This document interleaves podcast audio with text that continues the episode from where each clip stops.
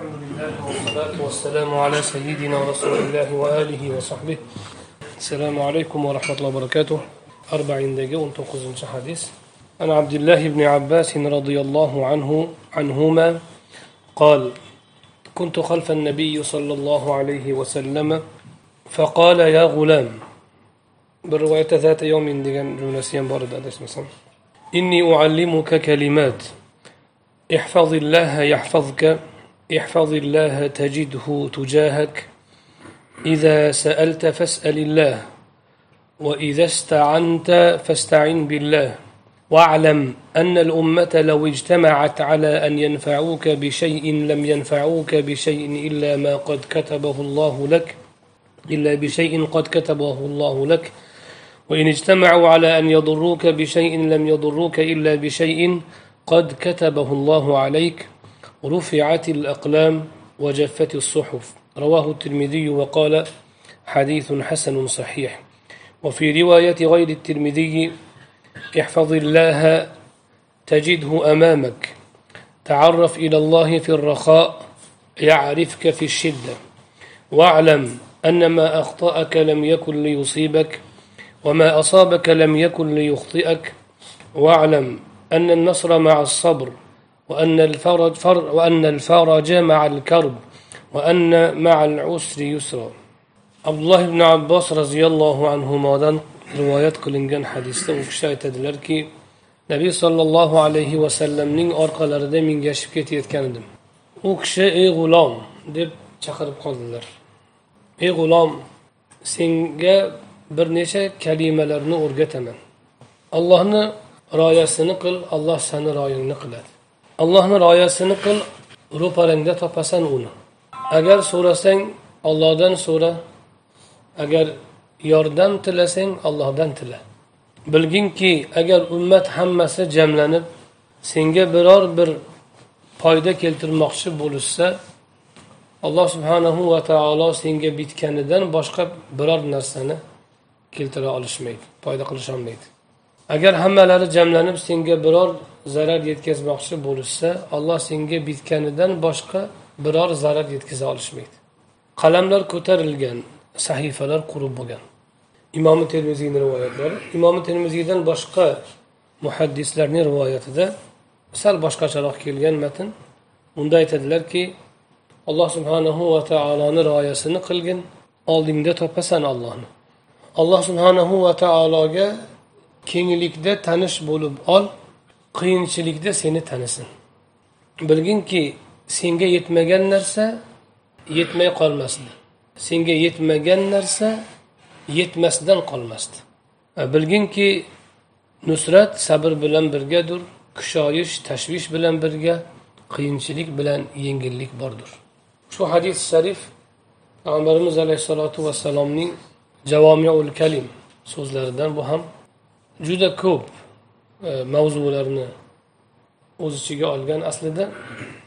asosan aqidaga doir masalalarni yoritgan ibn abbos roziyallohu anhu rasuli akram alayhissalotu vassalom vafot etganlarida o'n olti yosh bo'lganlar ko'proq qavlga ko'ra shu bir ming olti yuzta allohu alam hadis rivoyat qilganlar keyin boshqa ilmlarni payg'ambarimiz alayhissalotu vassalomdan keyin sahoba ikromlardan olganlar katta sahobalardan bu voqeada rasuli akram alayhissalotu vassalom bilan birga bo'lgan paytlarida ey g'ulom deyishlaridan hali voyaga yetib yetmaganlari bilinadi hozirgi bizni hisobda aytsak o'n o'n ikki yosh shu atrofda yoki o'n uch shu atrofda bo'ladi g'ulom deb odatda voyaga yetish arafasidagi odamni aytadi ey g'ulom deyishlaridan ibn abbos roziyallohu anhu yosh ekanliklarini bilamiz va men senga bir qancha kalimalarni o'rgataman deyishlaridan payg'ambarimiz alayhissalotu vassalomni ta'limotlari rasululloh odatda tarbiyani ta'limotni aqidani yoshlikdan boshlaganlarini ko'rsatadi ya'ni dinni ta'limini yoshlikdan boshlaganliklarini ko'rsatadi keyin bu hadis sharifni biz agar unda o'rganadigan bo'lsak hozirgi aytgan tarjimamizda ham bilib turibmiz matnni matnni o'zidan ya'ni matnni o'zidan chiqyaptiki aqidaviy katta masalalar aytilgan va tarbiyaviy juda katta nasihatlar aytilgan bu vaqti kelsa katta odamni ham aqli shoshib qoladi bularni qamrab anglashga bu yerda rasuli akram alayhissalotu vassalomni balog'atlari naqadar yuksakligi hatto yosh bolaga gapirgan gaplari ham shunaqa yetuk bo'lgan shu bilan birga ibn abbos roziyallohu anhu va sahoba ikromlarni shu darajadagi aql egalari bo'lganlarini ko'rsatadi masalan biz o'n uch yosh bolaga o'n ikki yosh bolaga gapirayotgan bo'lsak qanaqa gapiramiz o'ylangda o'n ikki yosh bolasiga qanaqa gapirasiz mana shunaqa gapirsangiz tushunadimi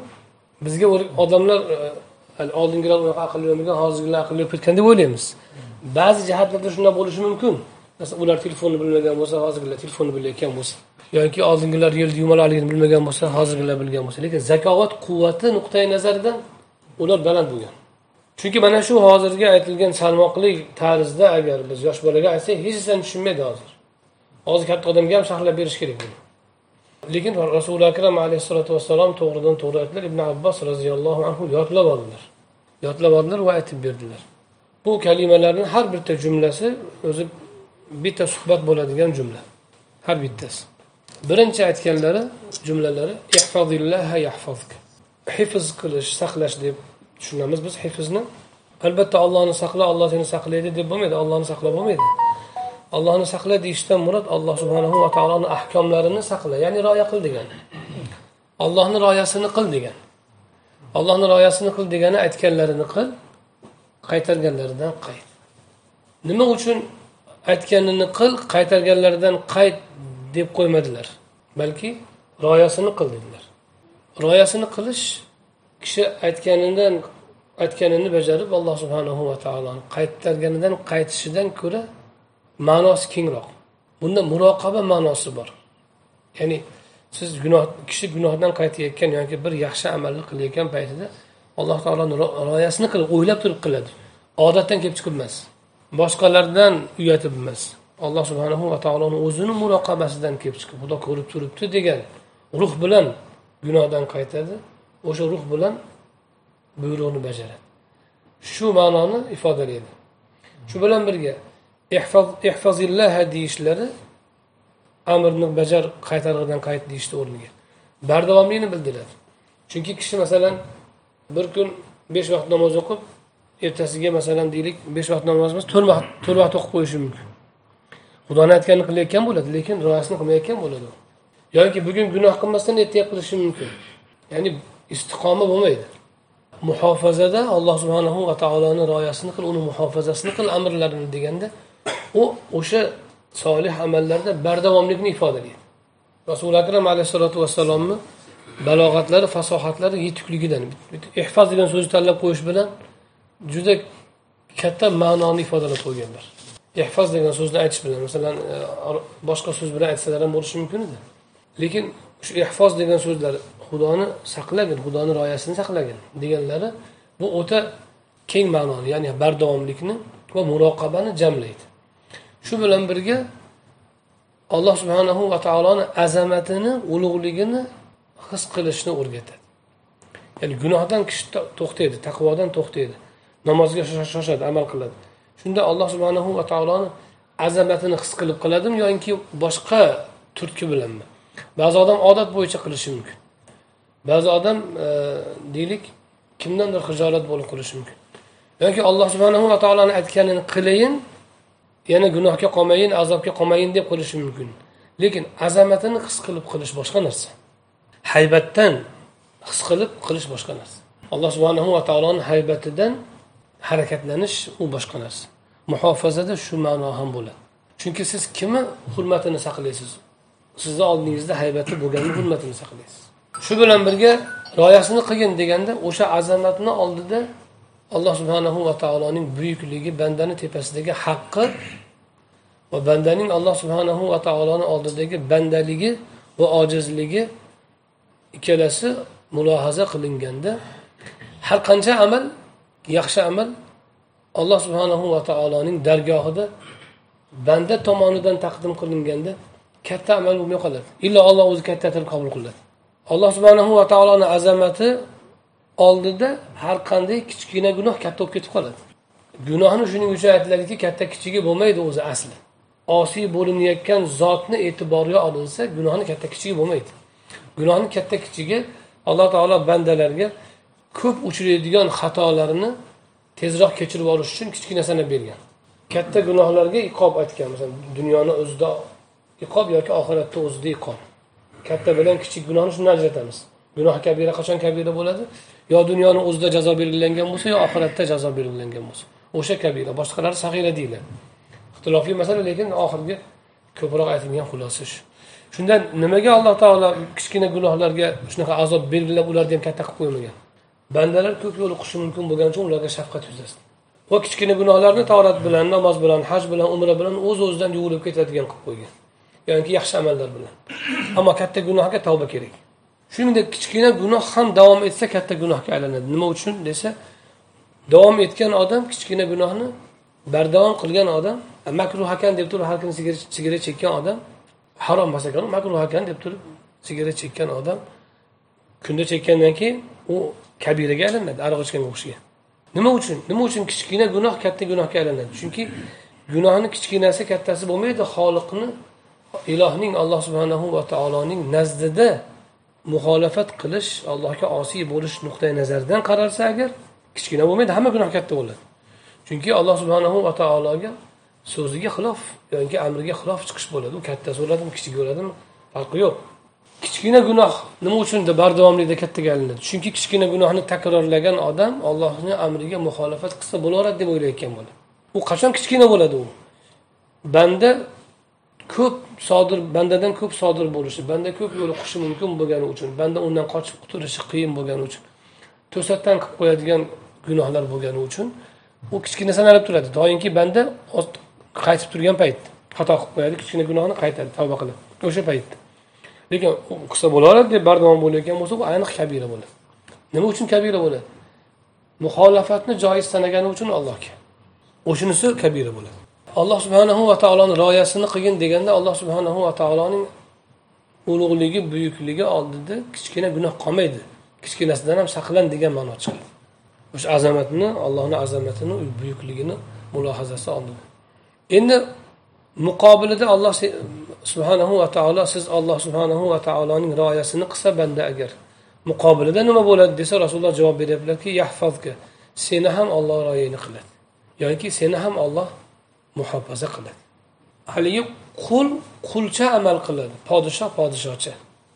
siz o'zizga o'xshagan bir oddiy e, bir vatandoshni oldiga insonni oldiga borsangiz bir xursand bo'lganda bir narsa hadya qiladi o'ziga yarasha qiladi lekin podshohni oldiga borsangiz podshoh hadya qilsa kichkina narsa hadya qilmaydi u xuddi shuningdek podshohga bir kishi xizmat qilsa podshohga yoqib qolsa podshoh unga o'sha xizmatiga yarasha emas bir necha barobar qilib beradi chunki unda maqomi shuni taqozo qiladi oddiy insonlarni muomalasida endi alloh subhanahu va taoloni banda rioyasini qilsa olloh ham uni rioyasini qilsa bu mushokala uchun aytilgan ya'ni rioya qilgan rioyani qiladi toinki amalning mukofoti o'zini jinsidan bo'lsin uchun lekin alloh subhanahu va taoloning ishi muhofazasi rioyasi bandani muhofazasi rioyasidan umuman boshqa narsa bo'ladi endi alloh taolo sani rioyani qiladi muhofaza qiladi seni saqlaydi deb tushunadigan bo'lsak u nimada aks etadi dunyoviy ne'matlarda yoki dunyoviy hayotda aks etishi mumkin bandani masalan tanini sog' saqlashligi sog'ligini saqlashligi boyligiga alloh taolo baraka berishi hayotiga baraka berishi farzandlariga zurriyotiga baraka berishi hizr alayhissalom nurab qulab ketayotgan devorni qaytib tiklab qo'yganlarida muso alayhissalom bu bu qishloq ahli bizni mehmon qildi desak mehmon qilishmadi siz tekinga bularni devorini tiklab qo'ydingiz biz hozir shunday evaziga bir pul olsak bir narsa olib yasak bo'ladi bu haq so'rasak bo'ladi bulardan hozir bu mahallada ikkita yetim bolani devori shunda hozir alayhissalom endi ajrashamiz man bilan yurishga yaramading dedilarda shunda sababini aytdilar bu devorni tagida bir boylik bor edi xazina ko'milgan ikkita yetim bolaniki devor qulab qolay debdi u biz hozir yo'g'imizda qulasa u tagi ochiladi xazina ko'rinadi odamlar olib ketadi u yetim bolalar uni qo'riy olmaydi ikkovsini abuhuma solihan otasi otasi solih edi degan alloh taolo o'sha otalarini solihligi evaziga topgan puli halol ekan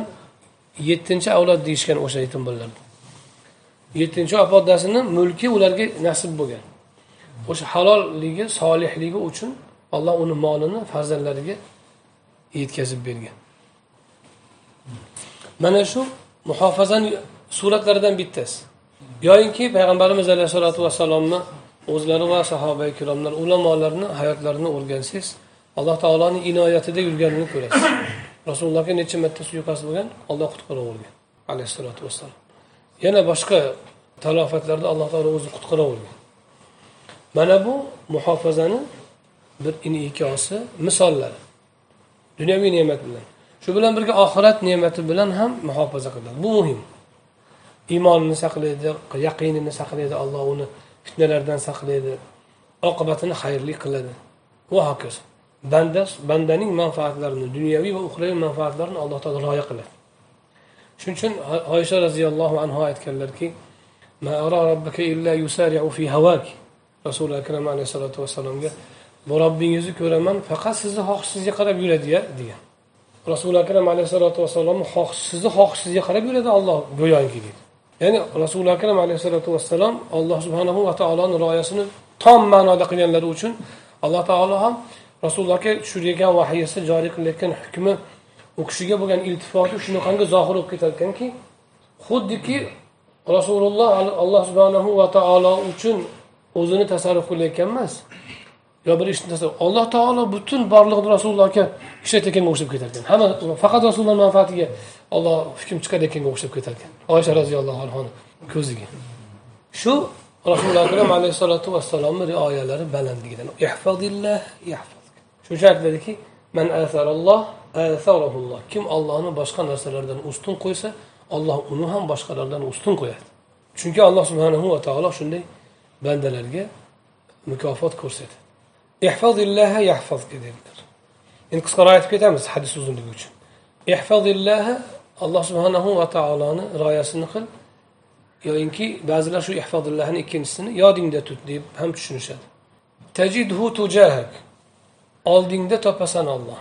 bu nima degani sen alloh subhanahu va taoloni rioyasini qilsang qachon muhtoj bo'lgan paytingda yodingda ollohni topasan istab qolmaysan olloh olloh meni tashlab qo'yib qo'yarmikin degan xavfga tushmaysan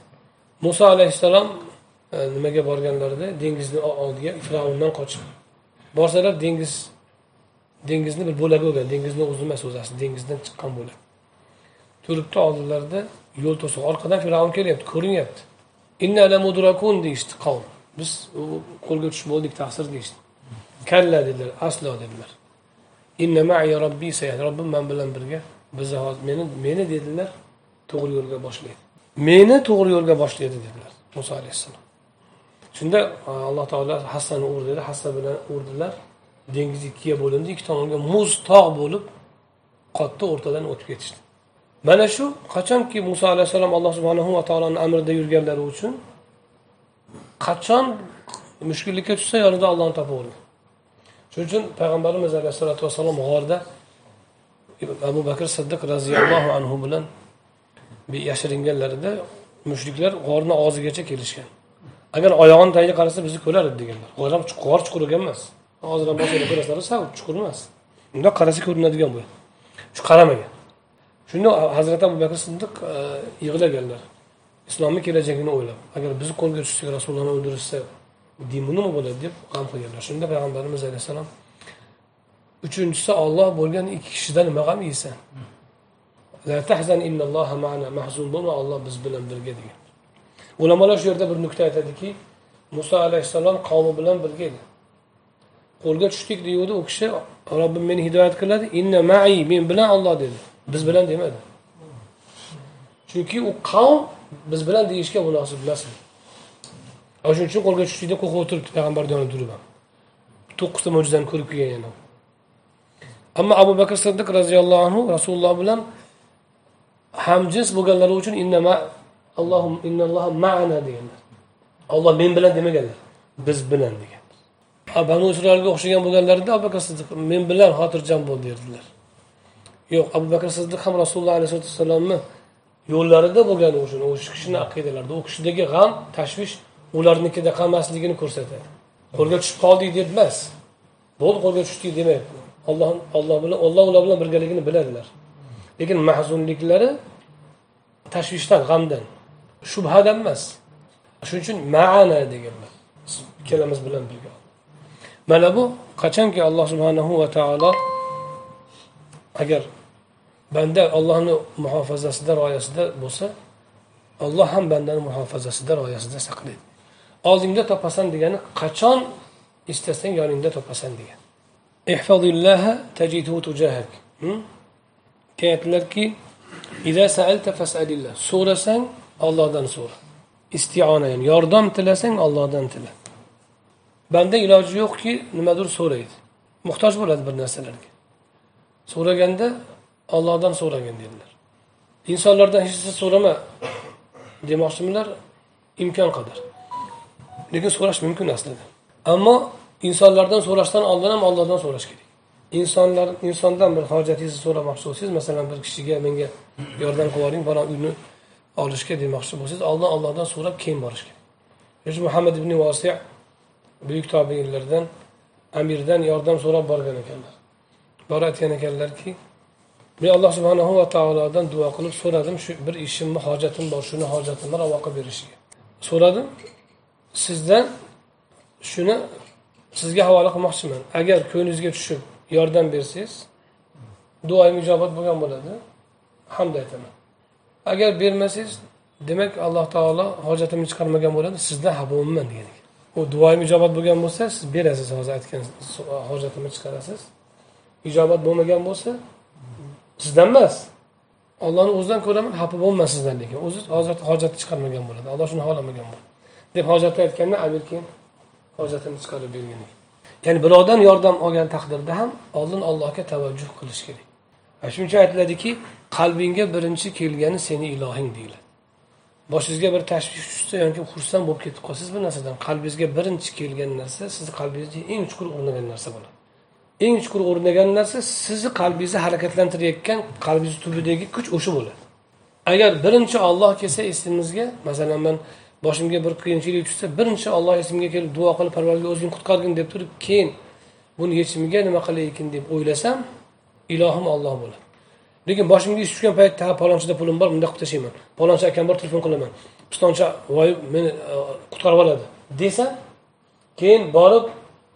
ish bitgandan keyin alhamdulillah desam ham ollohdan ko'rgan bo'lmayman keyin duo qilsam ham ollohdan so'ragan bo'lmayman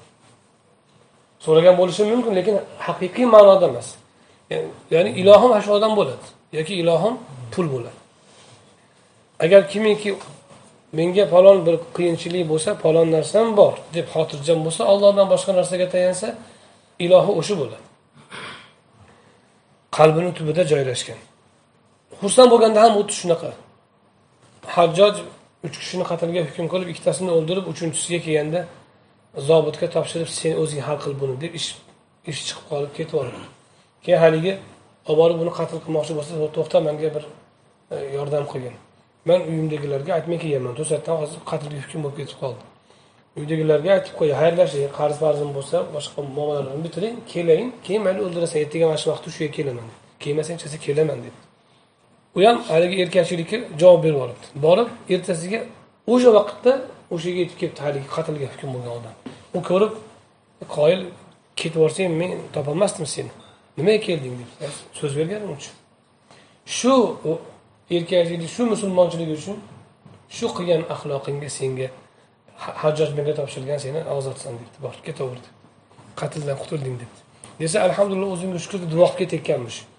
ho to'xta debdi ha seni bir kun umringga qatlingga ruxsat berdim keyin bildim bir yo'la ozod qilib yubordim qatldan a bir rahmat rahmat ham aytasanmi haqimga bir duo qilasanmi e uzr senga ham rahmat deb ketgan ekan haligi qutqargan odam esdan chiqib qolgan xursandchilikda ilohi olloh bo'lgani uchun birinchi o'sib kelgan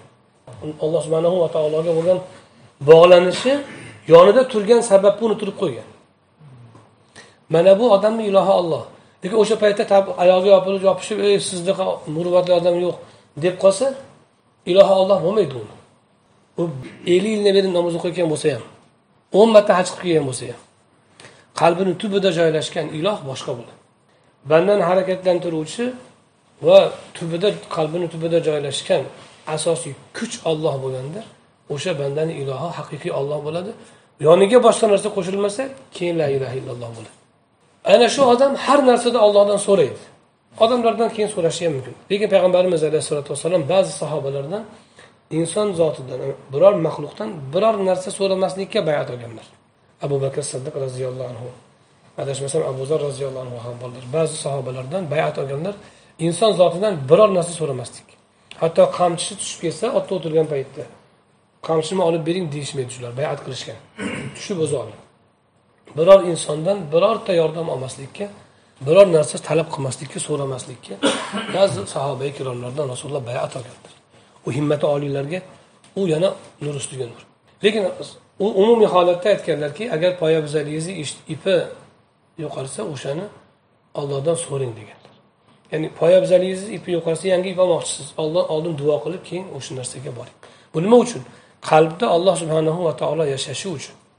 va banda allohga bog'lanishi uchun shu bilan birga sababni omil deb bilmasligi uchun sabab sabab bo'ladi xolos asosiy kuch unda emas asosiy kuch qudrat allohda ekanini bilish uchun va la havla va la quvvata illa billah haqiqatini yashashi uchun allohdan boshqa hech kimda quvvat havl yo'q o'zgartirishga qudrat yo'q e, bir narsani ijro qilishga qudrat yo'q quvvat yo'q degan la havla va la quvvata illa billahni haqiqati yudabirul amr olloh hamma narsani boshqaradi xoliq kullishi hamma narsani olloh yaratadi degan aqidani yashash uchun banda har narsada allohga murojaat qilib keyin qilish kerak bo'ladi bo'lmasa o'zini kuchiga tayanadigan bo'lsa sababga tayangani uchun sabab bilan yuraveradi ammo qalbi allohdan uzilib qoladi ammo payg'ambarimiz alayhissalotu vassalom alloh subhanahu va taolodan birinchi bo'lib so'rashni buyurdilar so'rasang allohdan so'ra e, yordam tilasang yoki yordam so'rasang yordamni ollohdan so'ra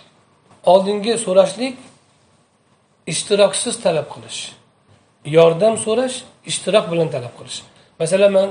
shu suvni istasam yoki shu xon taxtani istasam shu yerda bo'lishligini xon taxta narigida turibdi xon taxta meni yonimda bo'lishini istayman xon taxtani olib kelib bering desam bu talab bo'ladi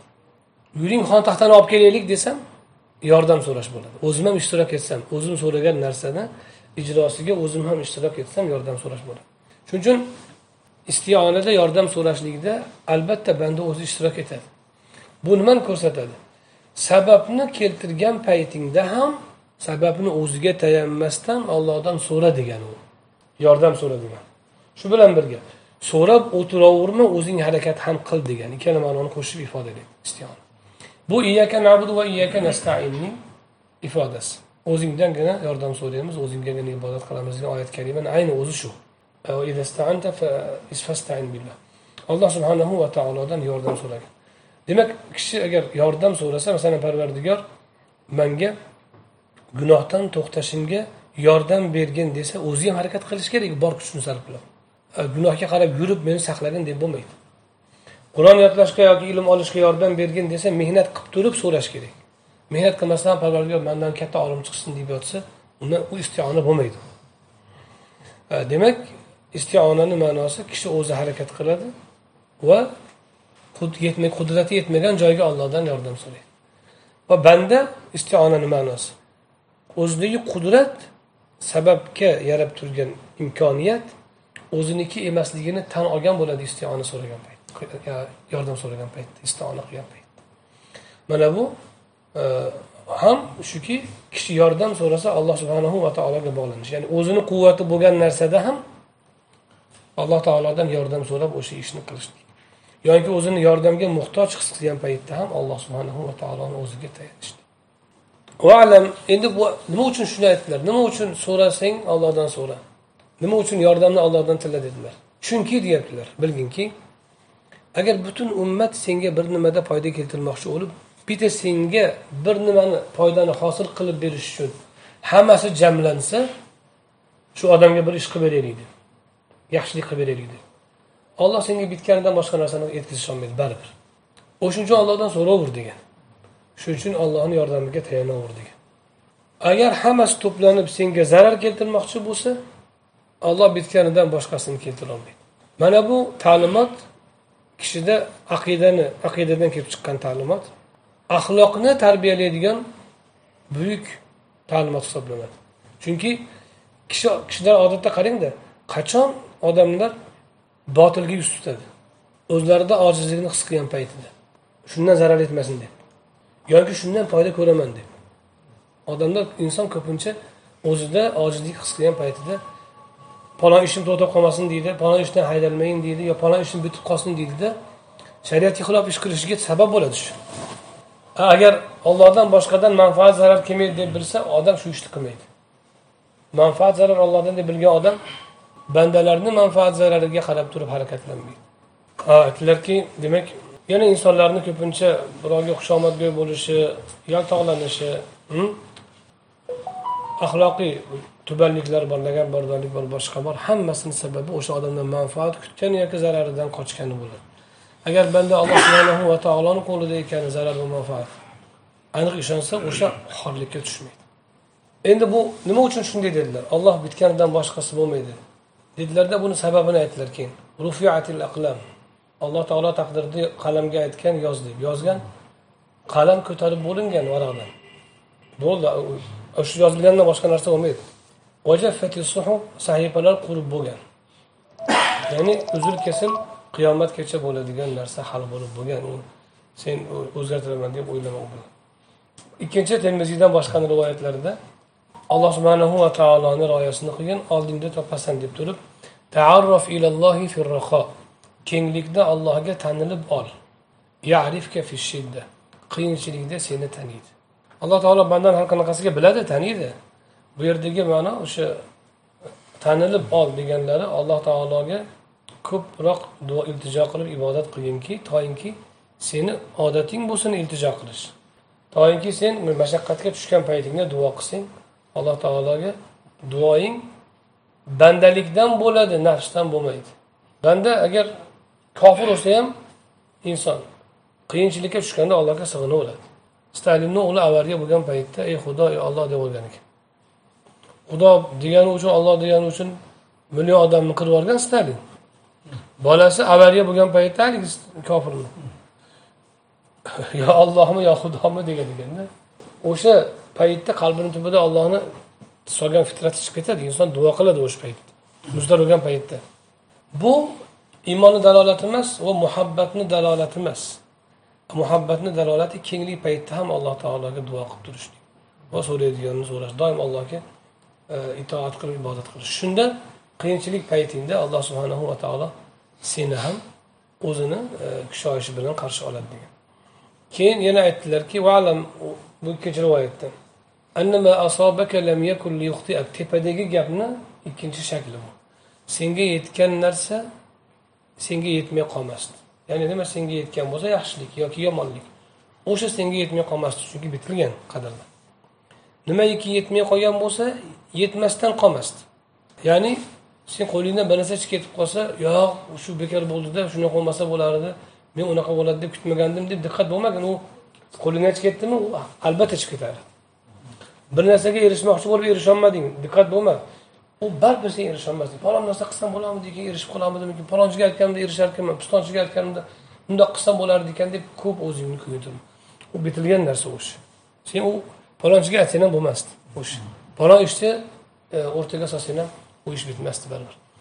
bu ya'ni qazo va qadarga taslim bo'lishni ko'rsatadi endi shu gap aytilgandan keyin savol tug'iladiki hamma yo'q o'zi bitilgan bo'lsa bo'lmasa hech narsa qilmay qo'yaversa bo'lar ekanda degan savol tug'ilib qolishi mumkin shu yerda payg'ambarimiz alayhissalotu vassalom hukm bilan ilmni ajratib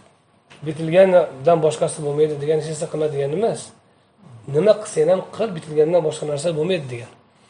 sen qo'lingdan kelgancha qilasan qolgani qo'lingga qo'lingdan kelmaganini ollohni qazosiga tashlaysan xolos ammo sababni senga buyurgan paytda qilasan degan ma'noni aytish uchun aytdilarki davomida aytdilarki nasra ma'as sabr bilginki nusrat g'alaba sabr bilan bo'ladi demak sabab bor alloh olib bitsa g'olib bo'laman deb yotavermaysiz sabr qilasan g'alabaga erishasiz sabr masalan ibodatga sabr qilasiz g'alabaga erishasiz ilmni qiyinchiligiga sabr qiladi ilmda nusratga erishadi boshqa ijtimoiy muomalalarda yoki boshqa amallarda sabr qiladi keyin kishi o'sha amalda g'alabaga erishadi kushoyish tashvish bilan bo'ladi tashvish kelib qolsa o'zingdan ketib qiynalib qolma o'zingni o'zing unutilma orqasidan albatta kushoyish bor kushoyish albatta tashvishni ortidan keladi qiyinchilik bilan birga albatta yengillik bordir kishi tahsilda qiynaladi keyin albatta osonlik keladi ibodatga ko'nikishda qiynaladi albatta oson bo'ladi gunohdan tiyilishga qiynaladi keyin albatta oson bo'ladi shu ikkala oyatda da al usr kalimasi ikkalasi ham alflom bilan kelgan yusron ikkalasi ham nakala bilan kelgan shu yerda payg'ambarimiz alayhissalom aytganlarki alloh taolo bitta qiyinchilikka bitta qiyinchilik ikkita yengillikni yengolmaydi deganlar bitta qiyinchilik ikkita yengillikni yengolmaydi nimaga chunki arab tilini qoidasida ma'rifa takrorlansa ayni o'zi bo'ladi masalan ja rojul kishi kirdi desangiz dahala rojul al bayta kishi uyga kirdi desangiz alflom bilan rojul bir kishi kirgan bo'ladi xorajar rojul desangiz o'sha xuddi o'sha odam chiqib ketgan bo'ladi lekin dahala rojulun bir kishi kirdi desangiz xoroja rojulun desangiz boshqa odam chiqib ketgan bo'ladi ya'ni ikkalasi ikkita bo'ladi nakra takrorlansa taaddudni boshqa boshqaligini ifodalaydi ma'rufa takrorlansa ayni narsani ifodalaydi o'zini ifodalaydi bu yerda al usrda alflom bilan keyin kelasi inna maal usri inna maal usri bu degani endi yusron ikki marta ikkalasi nakra bilan kelgan bu degani bitta qiyinchilikka ikkita yengillik keladi degan bitta qiyinchilikka ikkita yengillik keladi uchun aytgan rasululloh ikkita yengillikni bitta qiyinchilik yengolmaydi degan ya'ni bandaga har qanaqa holatda yaxshilik bo'ladi degan mana shu nasihatlarni aytganlar qisqaroq qilib aytdik hozir xutba bo'lib uchun bu o'ta buyuk nasihatlar aqidadan odobdan ko'p ahkomlardan iborat alloh subhanahu va taolo o'zi amaliga muvaffaq aylasin سبحان ربك رب العزة عما يصفون وسلام على المرسلين والحمد لله رب العالمين